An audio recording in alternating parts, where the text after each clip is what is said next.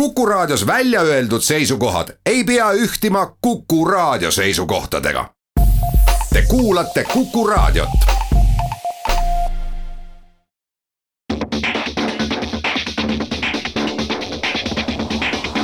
autotund. see on saade sulle, kui sul pole päris ükskõik, millise autoga sa sõidad tere, head kuulajad, kahekümne esimese augusti Autotund algab nüüd. mina olen täna saatejuht Hans Lõugas, minu kaassaatjuht Tarmo on autoroolis kuskil Euroopas, sellepärast on minu kõrval siin Hendrik Roonemaa. ja meil on üks külaline ka, Peeter Koppel. millest tänases saates juttu tuleb, esiteks räägime Lexuse uhi uuest autost, mida näidati Tallinna kesklinnas. meie kõigi äh, lemmik autotööstur Elon Musk on äh, viimase nädala või kahe jooksul teinud igasugu hulle trikke. Ja need hullud trikid on, on omakorda pannud hulle trikke tegema aktsiaturud ja õnneks on meil Peeter Koppel stuudios, nüüd me räägime nii auto kui äh, raha poolest vaadatuna, et mis Muskiga siis toimub. Ja eestlasi äh, kimbutab liikluses üks uus häda, äh, mida nimetatakse meedias üha sagedamini nutijoobeks on see siis äh, tõsine või mitte, arutame selle üle. ja saate lõpetab äh, meie proovisõit, mis seekord on, äh, nagu me siin oleme teada saanud enne saadet, avaldan väikse saladuse, uue Eesti rahvaautoga, nii et jääge kuulama. Nonii, Lexus on eestlaste seas populaarne auto, ütlen mina oma pilguga tänaval ringi vaadates ja Lexus on sellel suvel valmis saanud uhe, uhi uue automudeli ja neid käis seda Tallinnas näitamas. Äh, tegu on siis jaapanlaste luksusmargi äh, järjekordse linnamaasturiga, et äh, linnamaasturi klassis Lexusid on ju hulgi äh,. kes vaatab ringi, on, on näinud seda suurt, mille nimi on RX, need on väga siuksed lühikesed jaapanipärased nimed. RX suur, siis on väike linnamaastur Lexuselt seni, mille nimi on olnud NX ja nüüd, mis te arvate, uue auto nimi muidugi UX, et äh, X-id jätkavad. Lexuse UX tuleb Eestis müügile alles järgmisel aastal ja see auto, mis kärutati kohale siia Tallinnasse Rotermanni kvartali sisse õue, oli veel selline auto, mis oli tootmiseelne versioon. Ja Lexuse inimesed ütlesid, et võib-olla siin me seadistame masinaid ringi, et see näeb erinev välja ja ma käisin seda autot vaatamas, istusin sisse, seal olid tõesti mingisugused mm, LED-tuled salongi laes, mida ühel päris autol ei ole, et oli näha, oli varane mudel. aga ometi väljast vaadates uhi uus mudel Lexuselt, aga kuidagi väga tuttavlik välja, et, et mingit uut äh, kontinenti nad sellega ei avasta või midagi läbimurret nad ei tee, uus väike linnamaastur. kellele, on meie küsimus jah, hea küsimus no,, linnamaasturid lähevad vist kõigile. kes, kes sõidab, kes on see tüüpiline klient, kes sõidab Lexuse linnamaasturiga ja miks? Ma arvan, et see on selline kõrgema keskklassi pereema, kes äh, veab oma kahte poissi väga popidesse trennidesse sellega. ja ilmselt ta ongi jah. nii et äh, eeslinnast otsime neid, Tabasalu, Viimsi. loomulikult mm,. Rae vald jah. just. väga konkreetne lause oli selle auto tutvustuses, auto on mõeldud linnainimesele eeslinn on ka linn no vot ja järjest rohkem, eks ole, maastu, äh, maastikule ei lähe, no kui väike ta siis on, mis autoga me teda võrdleks? no mulle tuli millegipärast väga ette see, kuna ma just äh, olin väga lähedalt näinud mõni aeg tagasi seda uut Jaguari elektriautot. I-Pace, mis on ka oma klassilt ju linnamaastur tegelikult mm. -hmm aga, aga ta meenutab väga paljusid teisi autosid ka, Subarusid ja millegipärast XV tuleb mulle ette, et ta on selline noh, linnamaasturi kohta väike, universaalkerega auto kohta suur, ametlikult on see inglise keeles öeldakse selle kohta crossover, mis need, noh see automaailma terminoloogia läheb selliseks, et ühel tavalisel inimesel on nagu mõttetu hakata seal orienteeruma. Crossover, et on midagi ühte või teist, ta ei ole liiga suur, aga nagu suurem kui tavaline. no sa, sa käisid seda vaatamas, eks ole, et mis, mis tunne sul oli, kui sa seda vaatasid, kas roniks sisse, hakkaks sõitma linnas, lapsi vedama trenni mm,? ei tea, ei tekitanud emotsiooni eriti, et no ma ütlen, nad ei loo mingit uut, minu jaoks, ma ei ole selle roolis nagu sõitnud, on ju, aga sisseistunus vaadates selline väiksemat sorti linnamaastur ja. ja muide, just samal päeval laekus ühe uuringufirma Euroopa automüügi statistika autoklasside kaupa. mis on Euroopa kõige populaarsemad autoklassid nagu Kerev tüübilt, mis te arvate? sedaanid, väikeautod. no ilmselt ikka linnamaasturid. just väikelinnamaasturid mm. -hmm ja ka muide luukpärad ka mm. -hmm. kumb, kumb siis ennem on, kas golf on olnud seni ju kõige populaarsem? ja kohe ma otsin selle välja, selle õige numbri, seal oli liigitus siis nagu klasside kaupa, aga. no vahepeal nii kaua kui Ants otsib. aga nii linnamaasturid kui luukpärad. mida, mis, mis sinu arvamus on äh, Lexusest või Lexuse väiksest linnamaasturist?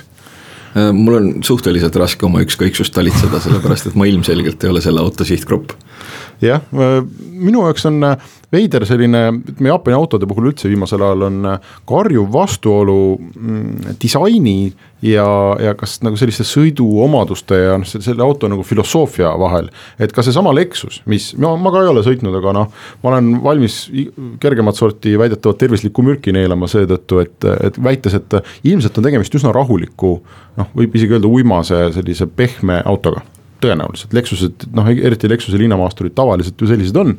ta näeb välja nagu ta, nagu ta tõuseks kohe lendu, no et alla kahesaja kolmekümne ei ole mõtet üldse nagu liigelda temaga. hästi selline äkiline, nurgeline, selline kiire, jõuline disain on talle tehtud ja see on minu meelest täielikus vastuolus sellega, mis, mis ta siis tõenäoliselt seest on. ja seda me näeme teiste Jaapani autode puhul ka, ma sõitsin üks päev linnas äh, Honda Civicu taga ja see ei olnud mitte see Rally Civic mis on kuritegelik auto nii-öelda, vaid äh, ta on siis tavaline Civic ja see, see on ikka no nii üle disainitud, nii nurgeliseks ja äkiliseks ja see, see on tegelikult ju tavaline väike pereauto mm,. esiveoline, mitte eriti ergas ja. ja selles mõttes, et mitte millegi poolest eriline, välja arvatud see disain. tõenäoliselt küll, noh see Type R on ju tore, aga, aga ma ei tea, mis Jaapanis see on kuidagi just eriti Jaapani autode puhul on neil, on tahtmine lendu tõusta ja, ja, ja marsile lennata nendega, disainis vähemasti. see võib-olla see on selline äh, valik või kompromiss selle vahel, et sa pead seal sees tegema sellise igavaid asju, sõidad kaheksakümmend kaheksa kilomeetrit tunnis jah, väga rahuliku zen õhkkonna, sa oled seal oma rahulikus keskkonnas, aga väljas saab müüda autot, salongis peab see auto silma torkama oma ülikurjade silmadega. see uus Lexus UX, noh, ta näeb ka eest välja ikka selline, et oi pagan, see tuleb, see on mingi transformer või midagi sellist, no see, see disain on keeratud nii selliseks kurjaks ja teravaks väljast, et, et see on noh, väga, väga selgelt nagu eristub. Võib-olla on sihuke tore kahekümne esimese sajandi auto, et on selline tõejärgse ajastu või või äh, fake news'i auto, et väljast vaatad, et lubatakse sulle ühte ja sa võtadki, ostad selle mõtte nagu ära, aga tegelikkuses on see midagi muud, aga see ei ole tähtis, sellepärast et sa noh, võib-olla tähtis oled... on see esimene mulje, mille järgi sa nagu jaa, ja võib-olla sa oled üldse nagu sellest autoomanike põlvkonnast, kelle, kellel ei ole erilisi kogemusi näiteks äh, noh, ma ei tea, kiires sõidus või, või, või sõidumõnus või, või sõidurõõmus või kurvide võtmises, et see ei käigi nagu sinu, noh, sa kardad seda äkki. no ma sain numbrid ette, mida eurooplased meie ümber teevad ja esimese kuue kuuga sel aastal kõige rohkem osteti luukpärasid, Golf oli siis juhtis kahe, kokku kakssada viiskümmend seitse tuhat luukpära ja, ja sellest veel väiksem autoklass oli ka väga populaarne. Renault Clio juhtis seal, aga selle järel ikkagi on siis linnamaasturid, Nissan Qashqai ja Renault Captur, suuremad, keskused ja väiksemad, nii et äh, et sinna sihib ja Lexusel on need pirakad suured, Lexus on see aasta esitanud kahte uut linnamaasturit, sina sõitsid ju eelmisega, selle RX Long. seitsmekohaline, jaa. Tarmo käis ka sellega sõitmas ja me jõudsime mingi paar saadet tagasi, me siin rääkisime, siis Tarmo ütles ka, see on ju maailma kõige rahulikum auto. Jah, aga, aga nüüd nad lähevad sinna, et ilmselt on ikkagi väike nišš inimesi, kes vajavad seitsmekohalist, sul on ikka rohkem inimesi, kes tahavad oma väikest linnamaasturit, pisikest, millega sa mahud manööverdama, parkima ja ja linnas tänavalt siis keerama teisele linnatänavale, kuigi see UX tuleb ka nelikveolisena, aga noh. aga mis see, oot-oot, seletage mulle ära nüüd, Peeter, sina, mis on linnamaasturi point, miks inimesed neid ostavad? Äh, sellepärast, et nad on kõrged, tekitavad illusiooni turvalisusest äh, ja ega ma muid pointe nagu ei oskagi väga öelda.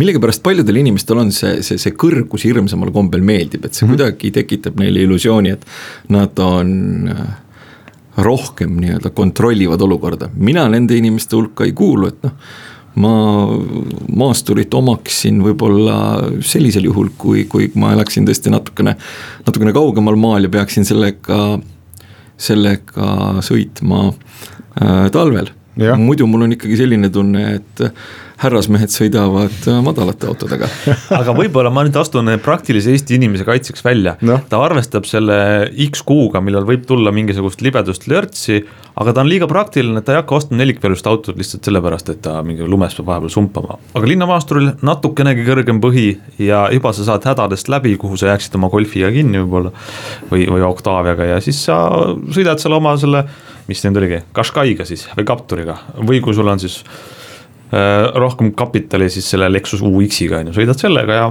ja oled praktiline inimene, et sa oled mõelnud nende talvekuude peale. sul on, sul on hea tunne jah, hea küll, me peame siia tegema pausi ja siis lähme edasi.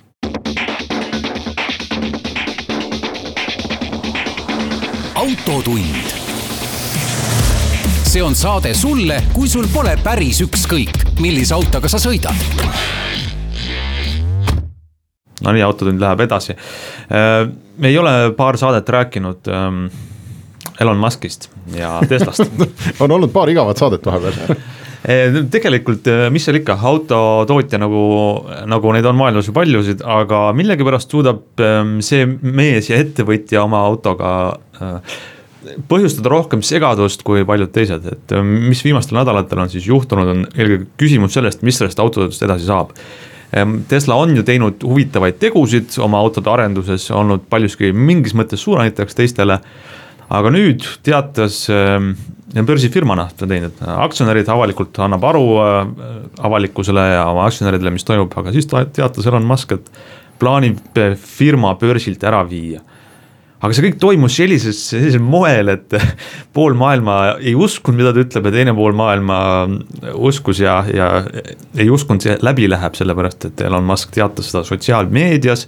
seda juttu saatsid väga segased äh, kommentaarid ja ja lõpuks on lahtine, sina kui finantsekspert, Peeter, kas sa usud, et, et see Tesla praegusel kujul, nagu ta on, börsifirma, annab iga kvartal aru, kuhu raha läheb, palju ootusid toodetakse ja kuidas, kuidas firmal käekäik on. et ta sellisel kujul veel nüüd edasi tegutseb? no sellisel kujul ta tegutseb edasi noh, vähemalt mõnda aega. see, selles, selles ei ole küsimus, küsimus on selles, et võib-olla selline praktika, mida ettevõtte juht avalikkusega kommunikeerides kasutab. Äh, ja kui palju sellel on äh, seost reaalsusega, et noh, see ei ole lihtsalt börsifirmale kohane. Twitteris ei anta teada seda, et ettevõte läheb börsilt ära äh,. ei öelda ära hinda mis oli turuhinnast oluliselt kõrgem ja ei kasutata selliseid kindlas kõneviisis väljendeid, noh, Elon Musk ütles konkreetselt, et funding secured.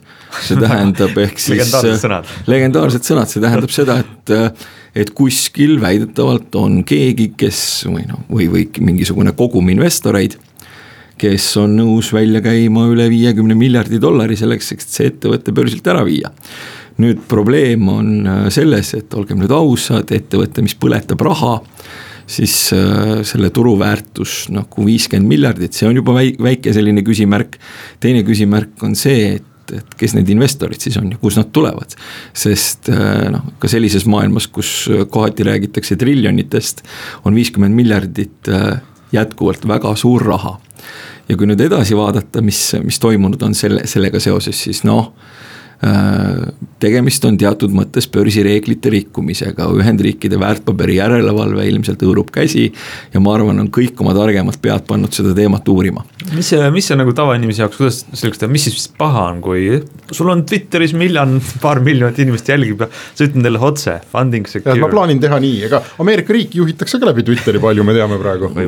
nagu börsiettevõttega on ikkagi selline mure, et kui me räägime avalikust ettevõttest, see tähendab, et selle omanikud võivad olla täiesti tavalised inimesed siis selleks, et saada ettevõtte aktsiad börsile kauplema, peab kinni pidama börsireeglitest, börsireeglite kõige nii-öelda olulisem komponent on see, et olulisest informatsioonist äh, teatataks nii-öelda standardiseeritult. Äh, ja teata-, teatataks nii-öelda börsi informatsioonikanalite kaudu, et kõik investorid oleksid äh, võrdselt informeeritud.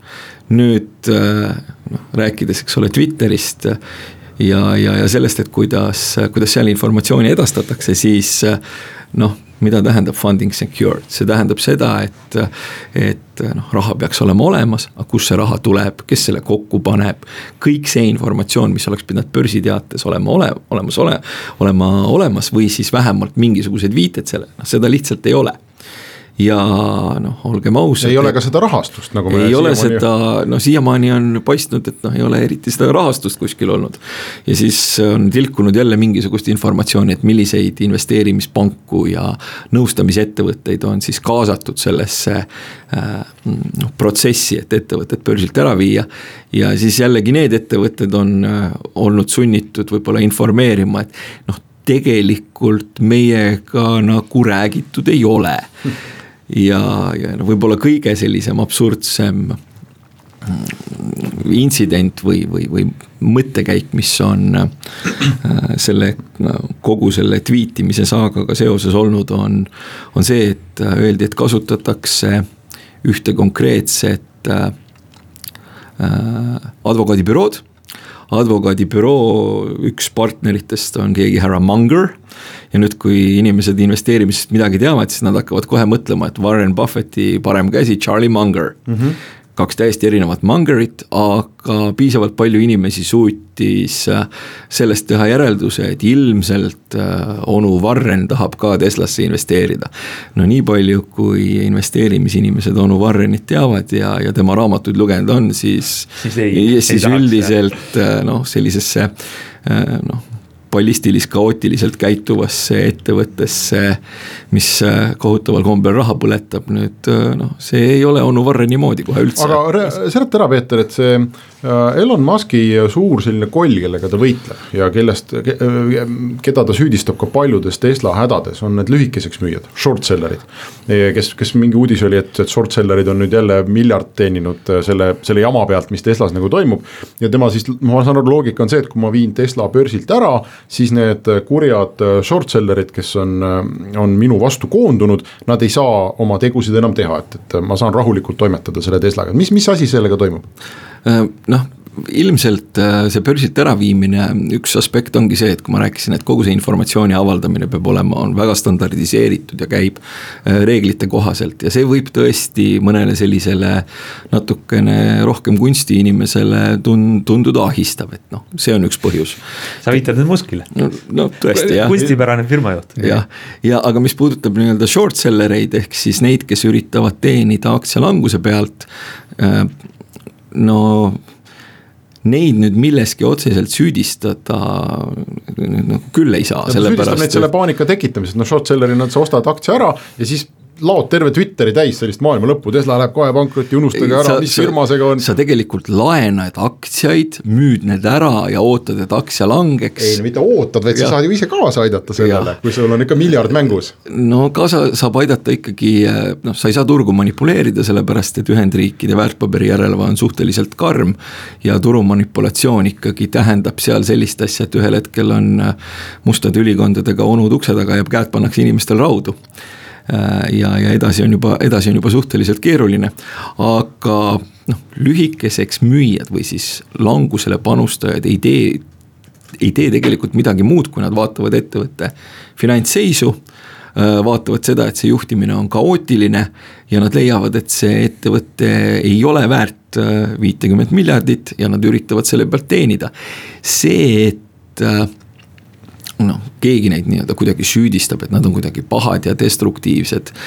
Äh, noh, selline seisukoht sõltub selgelt nii-öelda selle süüdistaja istekohast. täpselt samamoodi öeldi äh, mingisugusel hetkel, kui Euroopas oli tõsisem äh, finantskriis, et noh, need, kes noh teatud Lõuna-Euroopade pankade aktsiaid lühikeseks müüsid, et need on nüüd pahad ja need on nüüd spekulandid no ei olnud pahad ega spekulandid, äh, lihtsalt kui ettevõtte finantsseis on selline ja turg kellegi meelest hindab seda et, ettevõtte turuväärtust valesti. noh, siis see on loogiline ja, ja, ja mõistlik käitumine. teine asi on see, et kui neid lühikeseks müüjaid vaadata, siis need ei ole mingisugused sellised äh, kahekümne kolme aastased eilased äh, tegelased. Need on sellised tegelased, kellel üldiselt on turgude kogemus näiteks kolmkümmend, nelikümmend, mõnel viiskümmend aastat. ja kes on on suutnud ütleme sarnases mustris olnud ettevõtteid. Äh, noh, nad on suutnud nende ettevõtete nii-öelda vee alla minekuga ajada kokku noh, mis seal salata, miljardeid dollareid. okei okay,, kogenud tüübid, meil on äh, aeg teha siia paus, soovime Elon Muskile palju edu ja lühikeseks müüjatele ka äh,. teeme väikse pausi ja siis oleme tagasi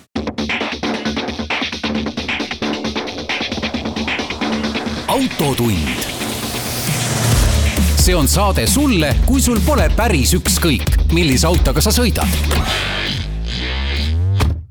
Enne kui me läheme oma tänase saate proovisõidu, sõiduki juurde, räägime ära nutijoobe sõna ka, kuulge nutijoove, see on minu arust sõnaause materjal või? see on Eestis sel aastal tekkinud uus sõna ja ma arvan, et äh, mina täitsa esitaks selle aasta sõna kandidaadiks, sest peale selle, et see on tabav termin äh, valusal ja vajalikul äh, teemal, seda ta tõesti nagu iseloomustab ka väga hästi. ma ei tea. seda olukorda, ta on märka, sõnana nagu hea. ta on sõnana hea ja ta on hakanud tekkima kas politsei või Maanteeameti kuskil kommunikatsioonis on see nagu pugenud sisse.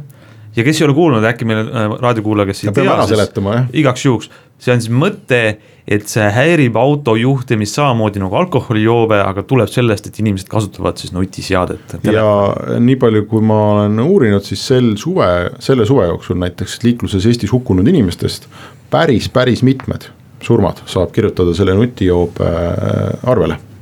Et inimesed lihtsalt on äh, roolis telefoniga no ma selle sõna osas olen skeptiline, ma sellest võime ära rääkida sõna saates, et kas see, kas see sõna on õige, mulle ei meeldi. geeniuse sõnasaade.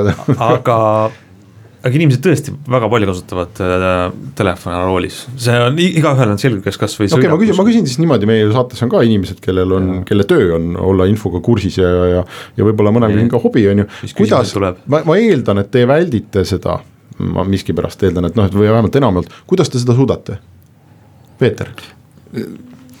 Vahetevahel peab äh, ennast sõna otseses mõttes kokku võtma, mul on telefon sellises seljakotis, kus mul igasugu muud toredad asjad on ja ma lihtsalt viskan selle pagassi ja kui kõne tuleb? ja kui kõne tuleb, siis auto hands-free'ga ma võtan selle vastu ja kui ma kasutan Spotify'd, siis ka see ühendub üle Bluetoothi ära.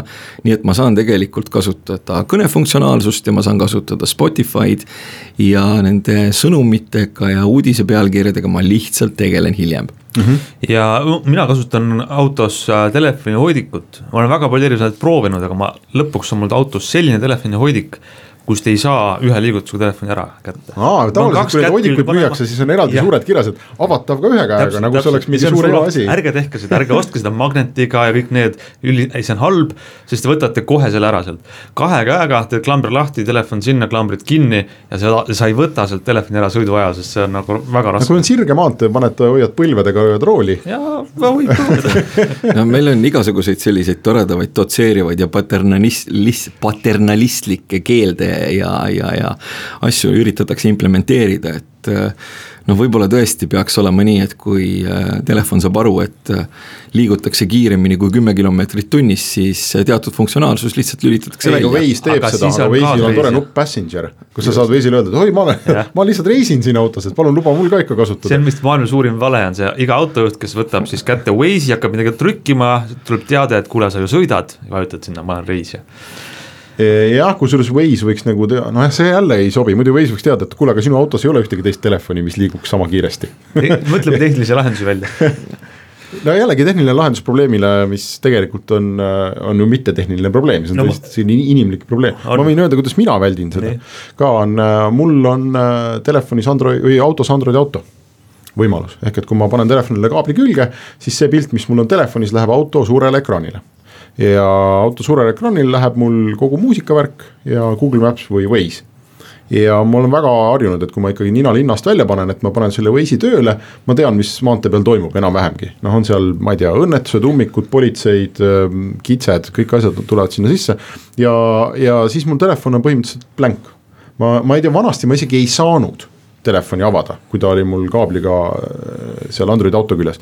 ma ei ole nüüd proovinud, mul kadus see harjumus ära nii-öelda. et äh, ja ma ühtlasi ma avastasin, et esimene, ma mäletan, et esimesed, esimene sõit oli nagu raske, et noh, inimesed ikka saadavad sulle mingeid message eid ja mingi plönn käib ja kuidagi äh,. ja aga et siis ma avastasin, et kui ma neid ei vaata, guess what, arvake, mitte midagi ei juhtu, absoluutselt mitte midagi ei juhtu. Kõik on kõige paremas korras, kui sa ei vaata telefoni.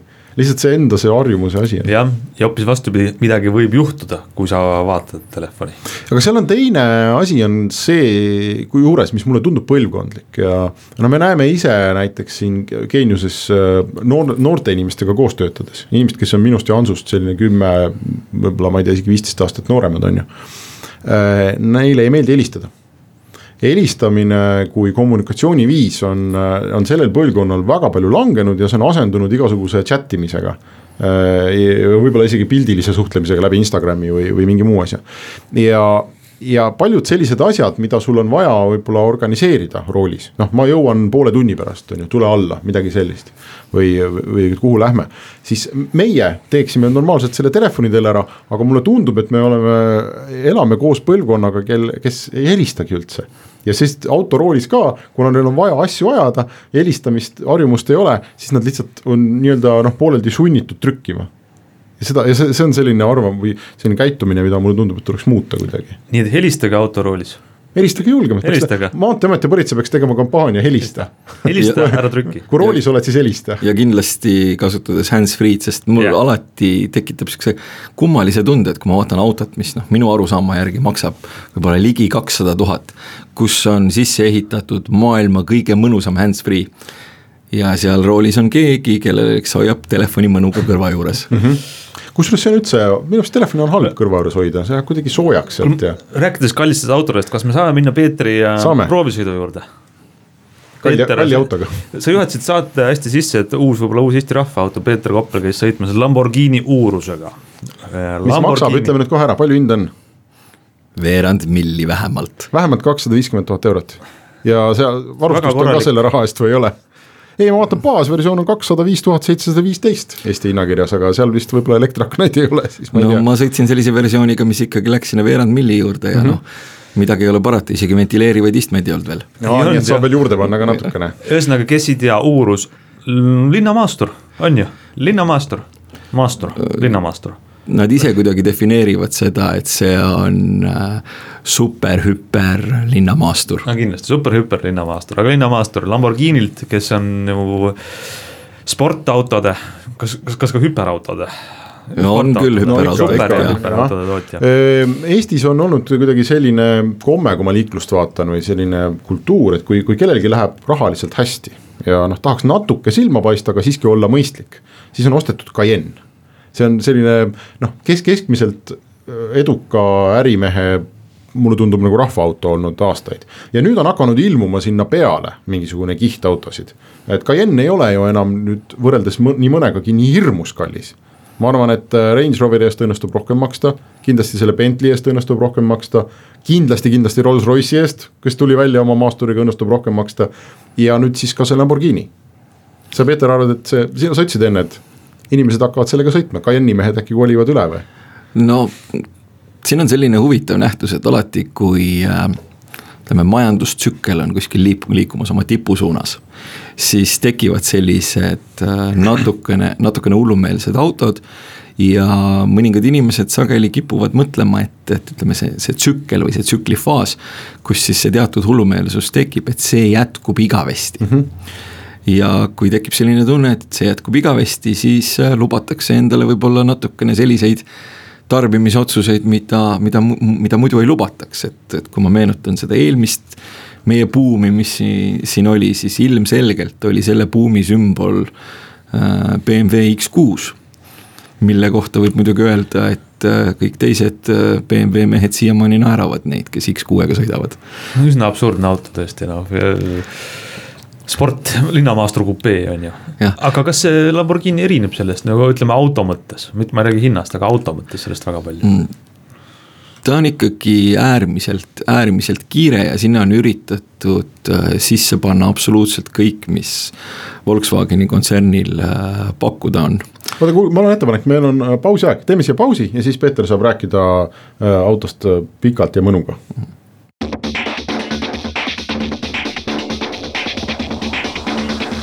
autotund. see on saade sulle, kui sul pole päris ükskõik, millise autoga sa sõidad. Lähme autotunniga edasi, no me jõudsime uuruse juurde, sa jõudsid mainida Volkswageni kontserni. ja kas on tegemist kahesaja viiekümne tuhande Volkswageniga või? see, ütleme see niimoodi oleks võib-olla natukene ebaaus öelda, aga kõik, mis Volkswageni kontsernil pakkuda on, siis tõesti on sinna ära mahutatud, näiteks äh, tagarattad keeravad ka mm. -hmm. ja üldiselt kui nüüd sinna sisse istuda ja olla kokku puutunud mõningate uuemate ja paremate Audidega, siis vaatamata sellele, et hästi palju on sellist noh, Lamborghinilikku kaheksanurkset disaini ja, ja, ja sportlikkust, siis teatud selline tuttav tunne tekib, tekib küll, et sa ikkagi saad aru, et see, et sellel autol on mingisugused, mingisugused Audi, Audi geenid kui nüüd ütleme disaini vaadata, siis ta natukene meenutab sellist äh, äh, ikkagi noh, seda Lamborghini-likkust seal on. ja tema kohta võiks öelda, et noh, linnamaastur, no võib-olla seda on nagu raske öelda, et on lihtsalt üritatud Lamborghinist teha pereauto, mis on tõstetud siis nii-öelda veidi kõrgemale, et ta oleks äh, mõistlikum ja, ja, ja mingisugused äh, lamavad politseinikud ei oleks tema mingisugune suurim vaenlane mm. -hmm ma vaatan, et äh, noh, platvorm nii-öelda, millele see auto on ehitatud, see, see, see, neid autosid on äh, maailmas palju. see on Volkswagen Grupi MLB, MLBevo või MLB Evo, ma arvan, siis on õigem vist öelda. Audi Q7, Bentley Bentayga äh,, Audi isegi äh, Q5 teatud tüüpi. A7, A8, Lamborghini Urus, uus Touareg, Audi Q8, Porsche Cayenne. et see on noh, mõnes mõttes kõik nagu natukene sama auto või ei ole no mõnes mõttes kindlasti on ja, ja nüüd kipubki olema niimoodi, et kuna see Volkswagen Grupp on läinud nii suureks ja ahminud endale kokku hulga brände, siis noh, lihtsalt võib-olla seda, mida võib-olla vanasti tehti rohkem mudelitega, et mudelid eristusid teineteisest, siis seda siis nüüd tehakse siis brändidega. turundusega, disainiga. turunduse ja disa-, disainiga, et mm -hmm. noh, need nagu ma ütlesin, et need Audi geenid on seal, seal alles Lamborghini geenidest võib-olla jääb äh, puudu äh, mingisugune Lambo, Lambo selline traditsiooniline, kui nii võib öelda, nagu V10, mis oleks äh, ikkagi noh, veidikene, veidikene ehedam. sinna on ikkagi paigutatud, paigutatud mootor, mida võib natukene öelda, et see on midagi Volkswagenilikku, kuigi noh, ütleme dünaamika ja kiirus ja sõiduomadused on võib-olla ikkagi nagu Tiguaniga ei võrdle päris. no seal V8 mootor äh, ikkagi äh, nagu püssikuulina lükkab seda tohutut linnamaasturit edasi, et, et ta kiirendab sajani ikka ilusti alla nelja sekundit, kolm koma kuus sekundit kolm ja, ja kaheteist sekundiga on juba kakssada kilomeetrit tunnis sees. Äh, jah, selles mõttes on huvitav, et ta suudab teha seda auto puhul, mis kaalub üle, üle, üle kahe tonni.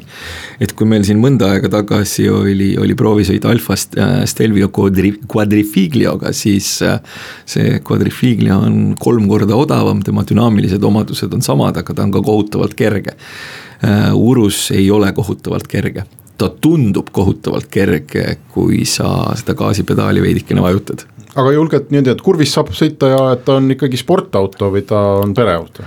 ta on ikkagi sportauto, sellepärast et ta käitub kurvis äh, väga hästi, ilmselt äh, vedrustus on suhteliselt nutikas, tagarataste nii-öelda juhtimine on suhteliselt nutikas, et mingisugust sellist äh, õõtsumist nagu sõna maastur puhul aeg-ajalt ette tuleb, et sellist asja ei, ei ole. sa oled sportautos, see sportauto on lihtsalt, lihtsalt kõrge ja noh ka rehve võime vaadata, et, et noh, need seal on ikkagi all Pirelli BC-rod, mida siis kõik autosõbrad üldiselt teavad, et. Need ei ole need, need rehvid, millega maastikule müttama minna. ei ole küll üldse jah ja. et, et selle jaoks ta mõeldud ei ole. kuigi Pirelli on Uruse jaoks teinud äh, ka, ka rehvid, millega peaks maastikul hakkama saama. no kui sa nüüd sellega ringi sõitsid, kas sul tekkis selline kätevärinal tahtmine, et et hoian ikka natuke kuus kokku ja noh, saab küll kuidagi, et ma, ma pean selle saama või, või kes, kel, kellel võiks sihuke tahtmine tek tekkida? Äh, no sellega on nii, et noh, minu, minu mure on see, et ma olen äh, äh, selline inimene, kellele meeldivad nii-öelda erinevad, erinevad asjad vastavalt, vastavalt tujule. et see Lambosse on üritatud paigutada nii sportauto kui maastur, kui, kui pereauto, kui ka paras jupp luksust. aga kui ma nüüd vaatan sellele hinnasildile siis selle hinnasildiga on selline lugu, et aga ma saaksin ju kaks autot ma saaksin Sa enda. kümme autot no ja kui ma tahaksin kaks väga head autot saada, ma saaksin endale Range Roveri maasturiks mm, -hmm. kui ma mhm. tahaks maasturiga sõita. kusjuures üldse mitte aeglase ja ma saaksin endale Porsche üheksa üks ühe. Mhm.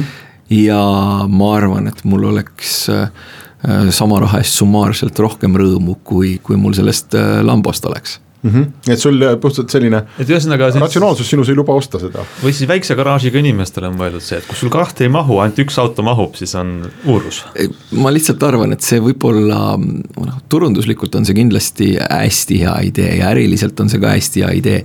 sellepärast, et on võetud olemasolev platvorm, olemasolev oskusteave Äh, sinna lisatud bränd ja natukene disaini ja tehtud, tehtud selline toode, mis võib-olla noh, mõjub väga hästi sellisele mm, tõkestamatult keskeale lähenevale jõukale härrasmehele, kes leiab, et äh, tahaks nagu midagi, mis oleks urr, aga tahaks nagu midagi, mis oleks samal ajal ka praktiline.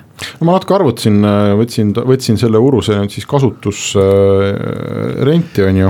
kakskümmend protsenti maksin sisse, ehk siis viiskümmend tuhat sulas ja kakskümmend viis protsenti panin ka jääkväärtuseks, noh et ikka võiks olla.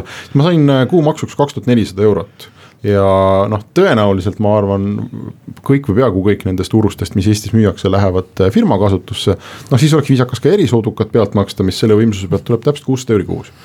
Äh, nii et äh, kolm tuhat pluss noh, kindlustused, rehvid, kogu värk on ju, pluss kütusearved, nii et noh, ütleme neli tuhat kütust läheb siin kaksteist, kolmteist liitrit sajaks. noh, ütleme seal nelja tuhande, nelja, neli, ma arvan, et umbes neli tuhat, ma ei tea, mis kasko sellel autol, mis kasko hind on, aga. päris suur kindlasti aga.... no mis kütusekulusse puudutab, siis mina sellist numbrit nagu neliteist küll ei näinud, et Nii. see oli meeld-, me, tundub väga meeldiv ja mõnus number keskmine kütus tehas lubab, tehas lubab kaksteist koma seitse no see on ilmselt äh, siis, kui sõita väga ettevaatlikult ja lülitada kliimaseade välja kliimaseade on kindlasti see. oota, aga mis sa siis sõitsid, kahekümnega või? Noh, seal, kui ma, ma võtsin ka maanteed veidikene ja üldiselt proovisin noh, sellega igatepidi, igatepidi nii-öelda ka, ka, ka väga, väga rahulikult sõita, et ma ikkagi nägin sellist kaheksateist koma kahest mm. kulu. mina olin ka selle uuruse kõrvalistmel, kui äh, kolleeg Tarmo sellega manööverdas parklas ja ma arvan, et selle parklas kulutus see auto rohkem bensiini kui mõni mees oleks Tartusse sõitnud oma diisel Škodaga sihuke tunne oli küll ja huvitav, kas diiseluurust ka kunagi näeb? Äh, ilmselt mitte, sellepärast et teatavasti Volkswagen ja Aa, diisel samas lauses tähendab suurt pahandust. selge, meie saade muide on läbi, nii et kõik, äh, kellel on selline neli-viis tuhat eurot kuus auto alla panna, võite siis minna Urust ostma ja kuuldavasti neid inimesi juba on, nii et ilmselt me hakkame neid äh, autosid tänaval täitsa nägema. saade on läbi, aitäh kõigile ja kohtume nädala aja pärast.